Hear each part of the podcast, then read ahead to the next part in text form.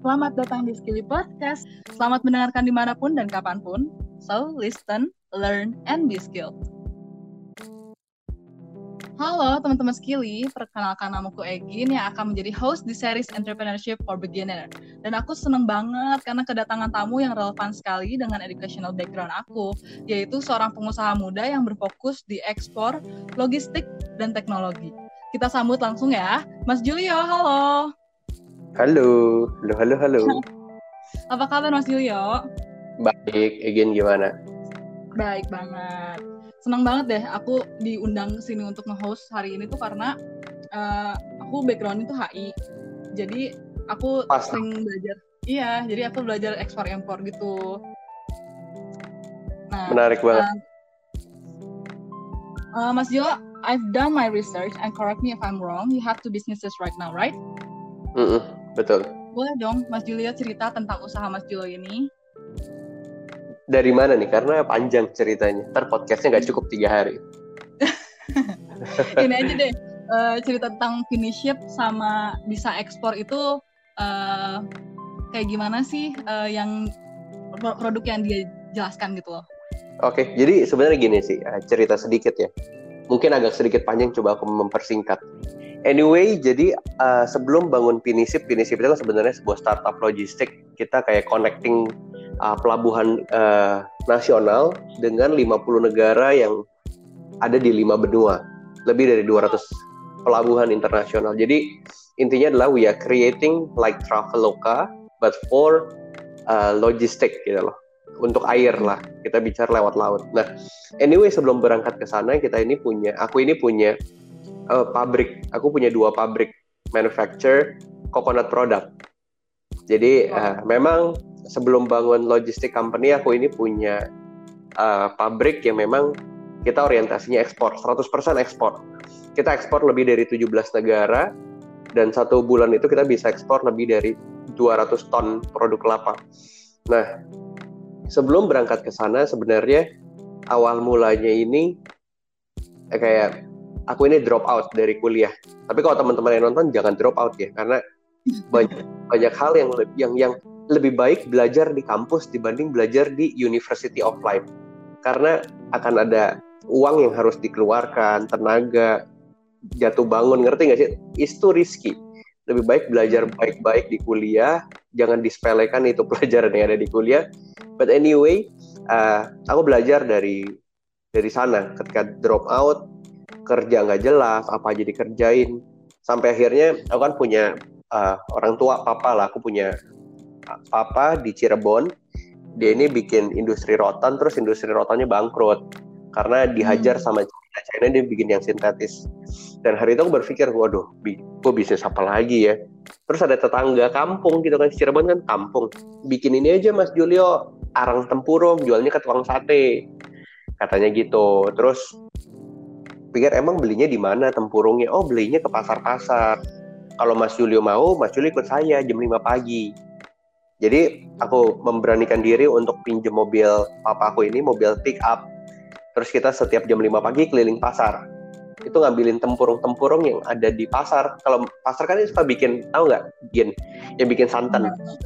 Kan mereka bikin santan kan terus Oh iya Ah. iya iya iya. tempurungnya dibuang nah tempurung kita beli-beliin akhirnya aku beliin belajar di Google cara bakar jadi arang kayak gitu terus setiap dua hari sekali ketika sampai satu ton kapasitasnya aku bawa ke Jakarta untuk jualan di Ancol jadi aku punya klien namanya Jimbaran rumah kayu Ancol terus Bandar Jakarta gitu-gitu loh Mhm.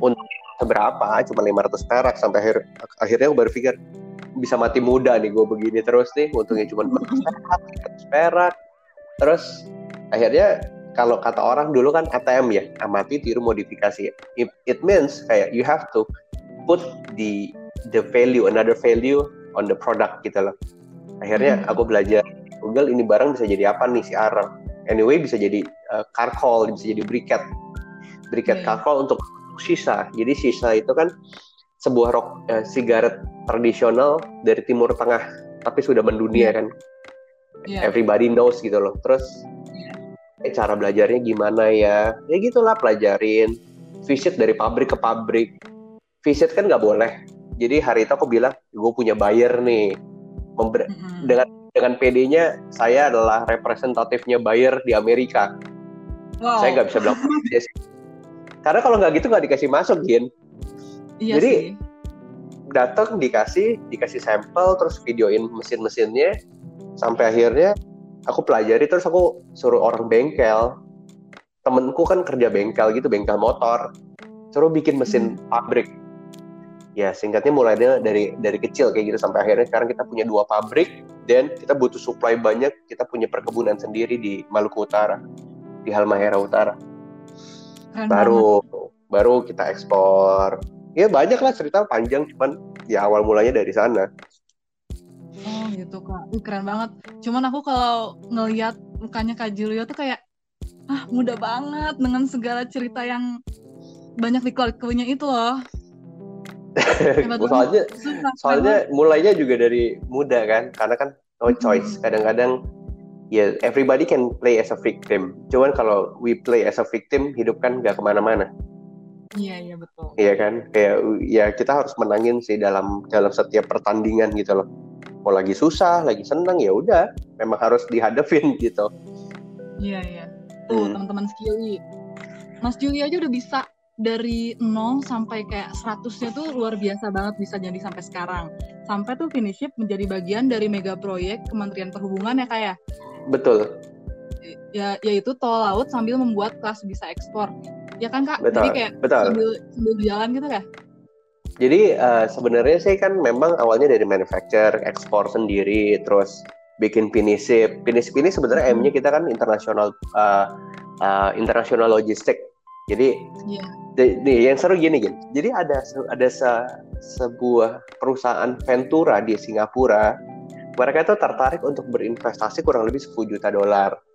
Nah Terus mereka bilang gini, we gonna invest if you want to change the business model to import.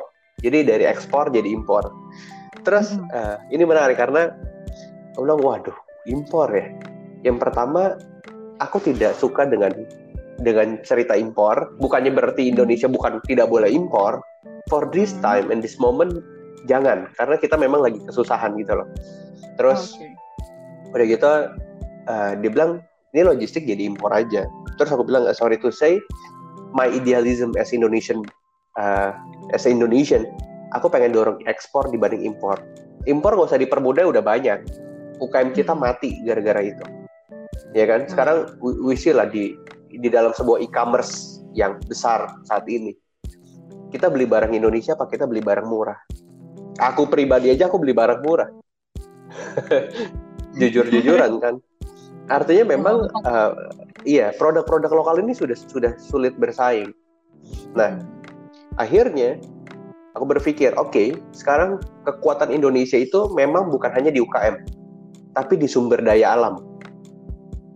Nah, karena sumber daya alam Indonesia ini terlalu besar, tapi tidak bisa dijangkau, akhirnya kita memutuskan untuk memberanikan diri platform ini kita upgrade lagi untuk bisa ngerjain domestic crowd jadi rute-rute domestik kita garapin.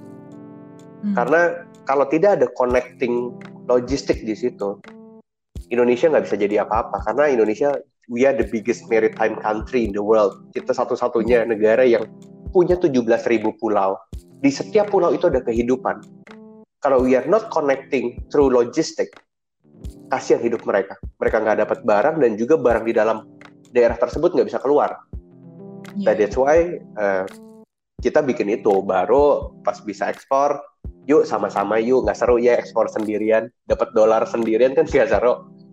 Jadi mm-hmm. ya kenapa nggak everybody trying to export rather than they doing import gitu loh. Oh ya ya ya gila keren banget. Terus gimana sih kak uh, keluar dari keadaan sulit itu? Dan terutama buat teman-teman skill yang ingin menemukan kesempatan di, di tengah keadaan yang sulit pandemi ini Hmm, nah, ini ini sebenarnya back to mindset ya. Balik lagi point of view setiap orang. Kalau aku boleh bilang, in every problem there is an opportunity. Semakin besar problemnya, semakin besar opportunity-nya. To be honest, I see this pandemic, this COVID-19 as a blessing. Why? Semua orang they, they just put apa ya justification for themselves bahwa oh work from home ya gue nggak bisa ke mana-mana. Aduh takut lah. Gak usah keluar-keluar.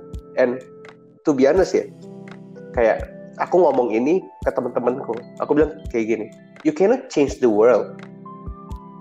Gak bisa gak, ubah dunia dari dalam rumah. Jadi you have to go out kerja keras lu harus keringetan. Dan to be honest semua orang bilang gini saat ini kerja cerdas for myself, yes aku setuju, tapi harus kerja keras dulu. How come kita bisa kerja cerdas kalau kita tidak kerja keras? Mm-hmm. Ya kan, jangan sampai cuma kerja mm. keras, eh kerja cerdas. What it means? Oh kerjanya dari dalam rumah aja. Eh nggak bisa lah coy, semua harus keluar dan semua harus keringetan. Nggak ada orang mm-hmm. sukses di tidak tidak mengalami kegagalan, tidak mengalami namanya di, ditolak orang. Jadi for me setiap orang yang mereka mau cari tahu apa yang mereka mau kerjain dalam hidupnya just go go for it gitu loh. Di depan mata apa yang dikerjain kerjain aja dulu. Sampai akhirnya you can find uh, kita mau ke mana gitu loh. Karena sekarang kan kita sering kali ini ya nyari jati diri ya. Aduh yeah. mau ke mana ya mau ke mana ya.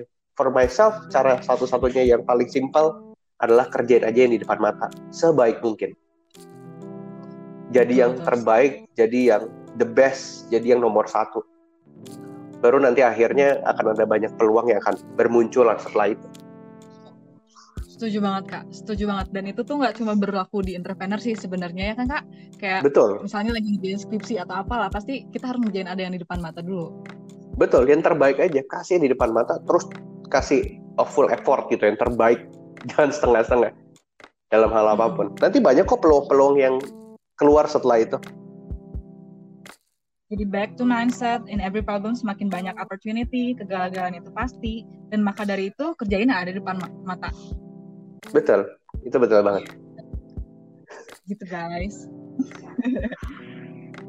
Seru kok kalau kita ngomongin hal-hal kayak gini karena success is not a short story ya. Dia butuh hmm. kegagalan yang berulang-ulang gitu loh. Kemarin ini cerita sedikit ya gini. Kemarin aku beres-beres kantor, eh ketemu harddisk. Nah, di harddisk ini aku colok isinya apaan ya? Eh ternyata dari awal aku ini aku ini pernah jualan nasi bakar pakai motor butut terus setiap pagi jam 5 keliling. Jadi kamu tahu nggak sih di gerobak motor, jadi motor tuh ditaruh gerobak di di jok belakangnya, terus kita hmm. aku aku keliling jualan nasi bakar, itu beneran. Terus hmm. sampai aku buat tas kulit gitu ya. Aku bikin produk tas kulit karena dulu aku kuliah di sana. Terus kayak aku bermimpi aku punya bisnis internasional. You know what? Apa yang aku lakukan adalah aku bawa dua tas ke Singapura dengan uang tabunganku sendiri. 10 hari stay di sana. Yang aku lakukan adalah aku jualan tas itu di Orchard Road. Jadi kalau yang dengar ini pernah ke Singapura kan di Orchard Road. Jadi jualan terus kayak anti wanna buy my bag? It's a 50 dollar gitu loh. Terus sampai mereka bilang it's illegal boy, it's illegal. terus hari itu aku berpikir ya, this is my faith, this is what I believe. Kayak one day aku mau punya bisnis internasional. Tapi uh, hari itu memang dilihat orang sebagai sebuah kebodohan. Meskipun bisnis itu tidak berjalan, but hari ini aku punya bisnis dan aku bisa jalan sampai ke 17 negara. Wow. Jadi starting from nothing, starting from apa yang orang lihat bodoh, apa yang orang lihat nggak masuk akal, gila, nggak mungkin. Eh mungkin kok. Kalau aku udah bilang tuh uh, Mas Julia tuh udah udah sukses lah kalau buat aku ya, karena aku kan belum punya bisnis apa. Amin. Terus skill apa sih yang harus dimiliki terutama buat teman-teman skill yang ingin menjadi seorang entrepreneur atau yang udah terjun dalam dunia bisnis? Nah, ini aku boleh cerita sedikit ya, karena ini nggak ada jawaban pastinya. Karena hmm. setiap orang bisa punya sebuah statement masing-masing dengan ceritanya masing-masing. Tapi kalau aku boleh cerita sedikit ya, supaya teman-teman yang dengar juga mereka punya perspektif, perspektif yang beda-beda. Dia oke, okay, nggak apa-apa. Jadi gini, setelah uh, drop out dari kuliah, aku ini kerja sama satu orang. Nah, dia ini suruh aku kerja di tempat konveksinya dia, busana muslim. Jadi admin. Setelah jadi admin, tiga bulan dia bilang eh saya punya toko gak kepake eh kamu buat tuh jadi workshop terus hari itu aku bilang ini waktu aku umur 17 aku bilang pak jangan kita bikin ya, e-commerce aja tapi khusus busana muslim. Semua busana muslim kita jual di situ. Dia bilang gini saya tidak percaya online. Jadi dikasih uang cash 100 juta di Taman Anggrek ingat banget aku dikasih amplop 100 juta beresin itu toko beli-beliin barang terus jualan. Sampai akhirnya aku hiring satu orang kita berdua itu jualannya di Imam Bonjol Karawaci di mana lokasi tersebut adalah lokasi jual beli mobil bekas. Itu udah nggak nyambung. Mobil yeah, bekas terus nggak nyambung. Dan kamu tau nggak? Aku lakukan itu rumahku di jembatan dua. Kurang lebih dua jam naik motor. Itu aku lakukan setiap hari jualan door to door. Karena udah nggak bisa jaga toko kan? Dari pengajian ke pengajian, rumah ke rumah, bawa itu stok baju yang gamis lah, yang blus lah, sampai hafal kan. Terus sampai aku jualan dan memang gak berhasil. Kamu tahu nggak? Setiap hari, setiap malam pulang ke rumah, terus dipanggil ke rumahnya di Taman Anggrek apartemen. Percaya nggak percaya, Jin? Dikata-katain, Jin. Bodoh lah sampai kata-kata kebun binatang semua keluar. Setiap ketemu dia, itu lima menit dilihat sakit langsung aku langsung sakit karena keringet dingin gitu kan hmm. saking takutnya terus sampai saya singkat cerita satu tahun selesai aku memutuskan untuk bilang saya tidak sanggup saya mau balik ke Jogja saya mau coba usaha sendiri. Dan kamu tahu nggak? Orang ini pengusaha ini bilang dia bilang gini saya minta maaf kalau selama satu tahun ini saya terlalu keras. Tapi that's life that's business. Akan banyak penolakan, akan ada banyak uh, apa namanya orang yang mau menjatuhkan kamu. Tapi ketika kamu bisa melewati satu tahun ini dengan dengan baik gitu ya, dengan dengan dengan berani, itu kayak gini. Dia bilang gini, saya nggak ngajarin kamu caranya jadi sukses, tapi saya ngajarin kamu caranya megang senjata supaya kamu tahu caranya nembak musuh. Karena kalau saya ajarin strateginya, mungkin lahan pertandingannya berbeda. Kalau saya mungkin musuh saya datang dari depan. Saya bisa atur strategi gimana caranya lawan musuh dari depan. Tapi kalau lahan pertandinganmu musuhnya datang dari kiri dan kanan, strategi saya tidak akan pernah bisa dipakai dan kamu tetap kalah. Tapi the way kamu bisa pegang senjata, kamu bisa lawan itu musuh. Artinya ketika aku pahami ya, ternyata gini gini. Pegang senjata itu artinya kalau jatuh berdiri lagi. Di saat tidak ada orang yang menyemangati, diri sendirilah yang harus bisa semangati diri diri kita gitu loh. Di saat ada penolakan, tetap maju. Di saat ada yang nipu, tetap percaya. Jadi hal-hal seperti itu yang sebenarnya dibutuhkan oleh seorang entrepreneurship.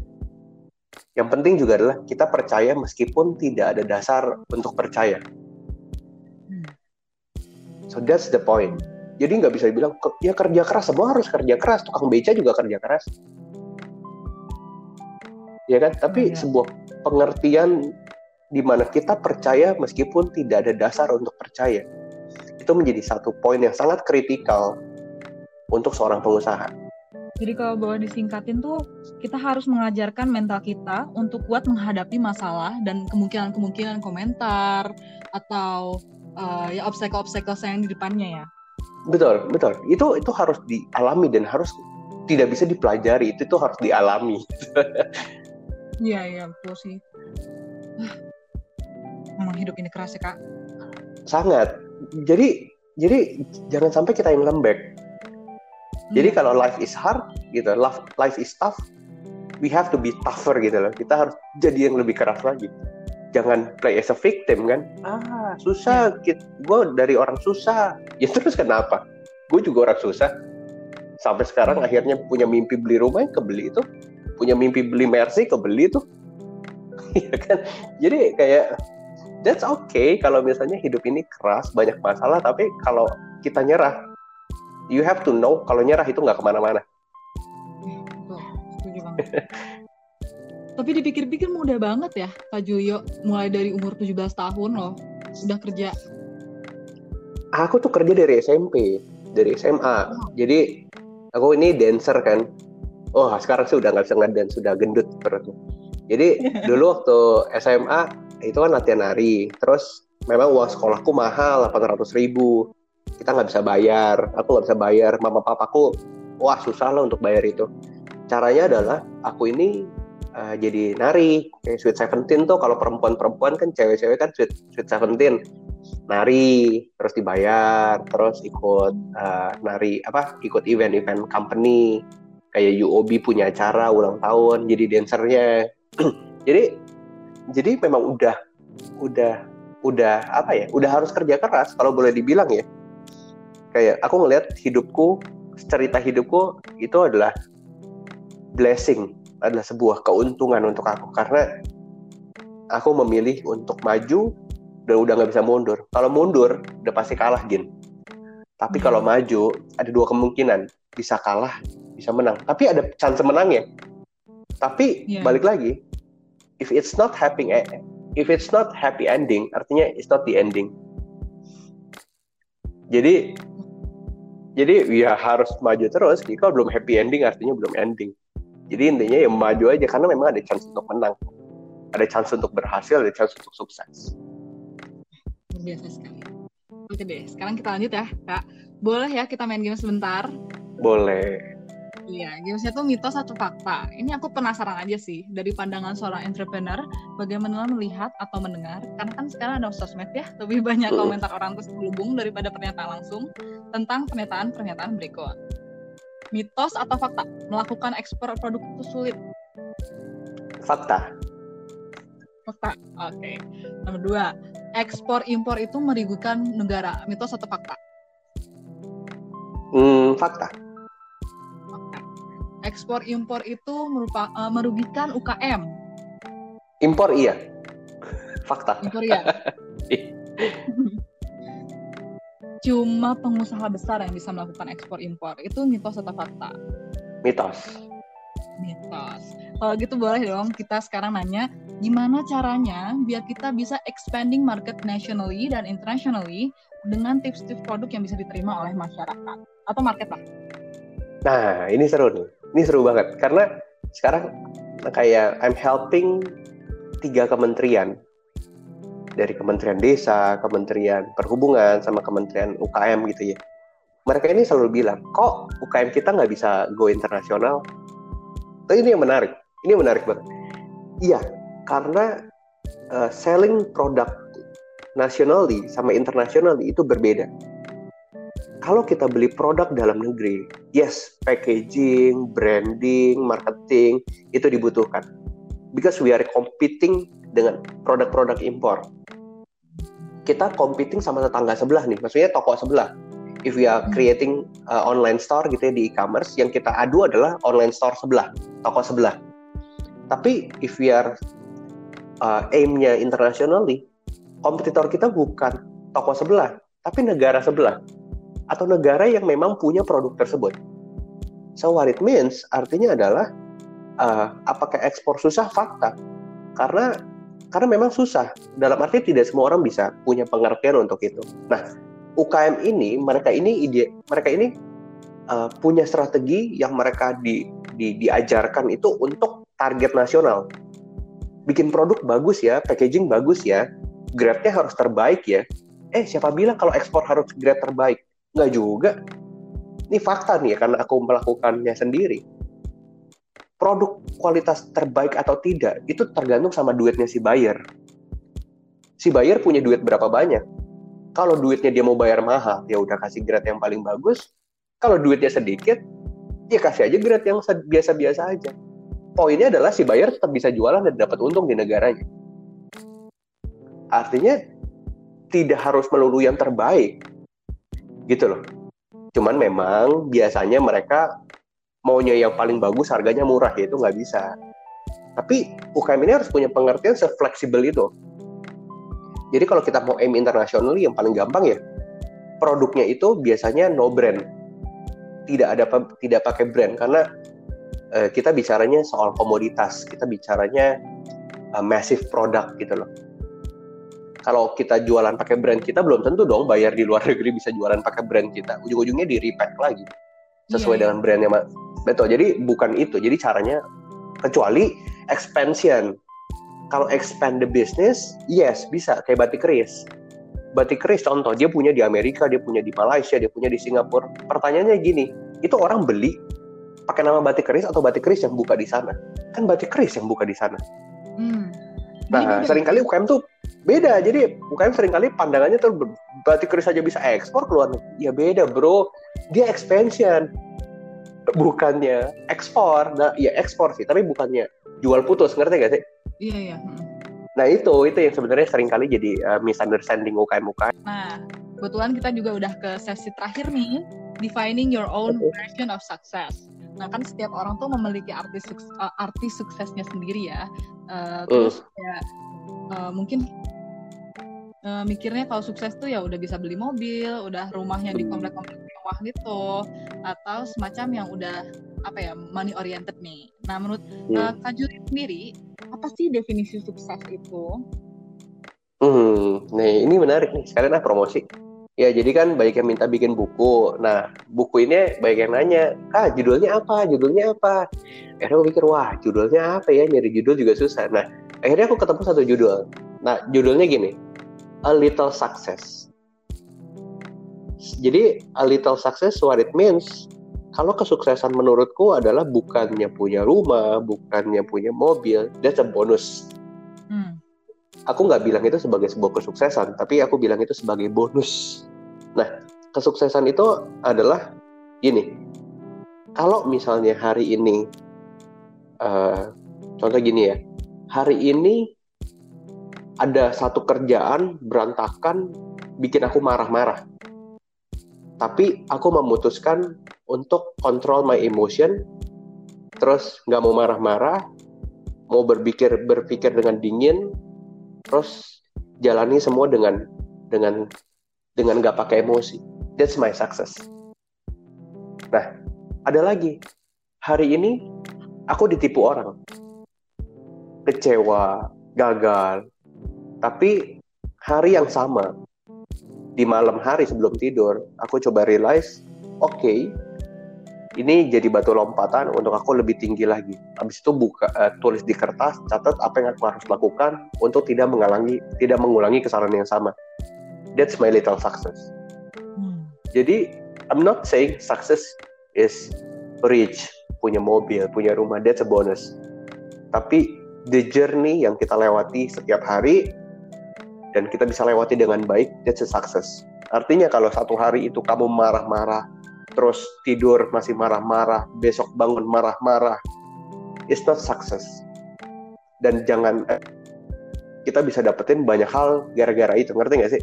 ya yeah, yeah. oke okay, punya mimpi punya mobil punya rumah punya apa pun lah you name it tapi kalau hal sekecil itu aja masih tidak bisa diselesaikan dengan baik lupain deh hal-hal kayak gitu karena tidak ada hal besar yang dipercayakan ke kita kalau kita tidak setia dengan hal-hal kecil. My success adalah setiap pagi bangun tidur beresin ranjang. That's my success. Bangun tidur langsung mandi gosok gigi ngepel nyuci beresin semuanya beresin rumah. That's my success. Banyak yang nanya korelasinya apa? Pemban banyak ya maaf maaf ya. ART juga begitu. Buktinya mereka nggak sukses that's not the point poinnya adalah we are trying to put on detail karena ketika nanti kita dikasih kerjaan yang lain kita sudah terbiasa mengerjakan dengan sangat detail ketika kita terbiasa mengerjakan hal-hal yang detail, akan banyak orang klien yang percaya. Dan dan ya, itu adalah sebuah repetisi yang dia harus lakukan setiap hari berkali-kali berkali-kali. Jadi kalau orang bilang hidup itu kayak roda naik dan turun. For me uh, parameternya apa? Kalau parameternya uang dan materi, iya hidup itu kayak roda naik turun tapi kalau parameternya itu yang di dalam kita, di inside of us, dari otak kita, pemikiran kita, hati kita, I think hidup tuh nggak naik turun kok. Hidup itu terus naik. Buktinya apa? Buktinya ketika kita dihadapi sebuah masalah yang kita pernah lewati dulu, it's not a big deal anymore. Tahu udah lewat kok. I know how to solve the problem. Nanti dihadapi lagi saat ini dengan masalah yang lebih berat lagi. Iya susah.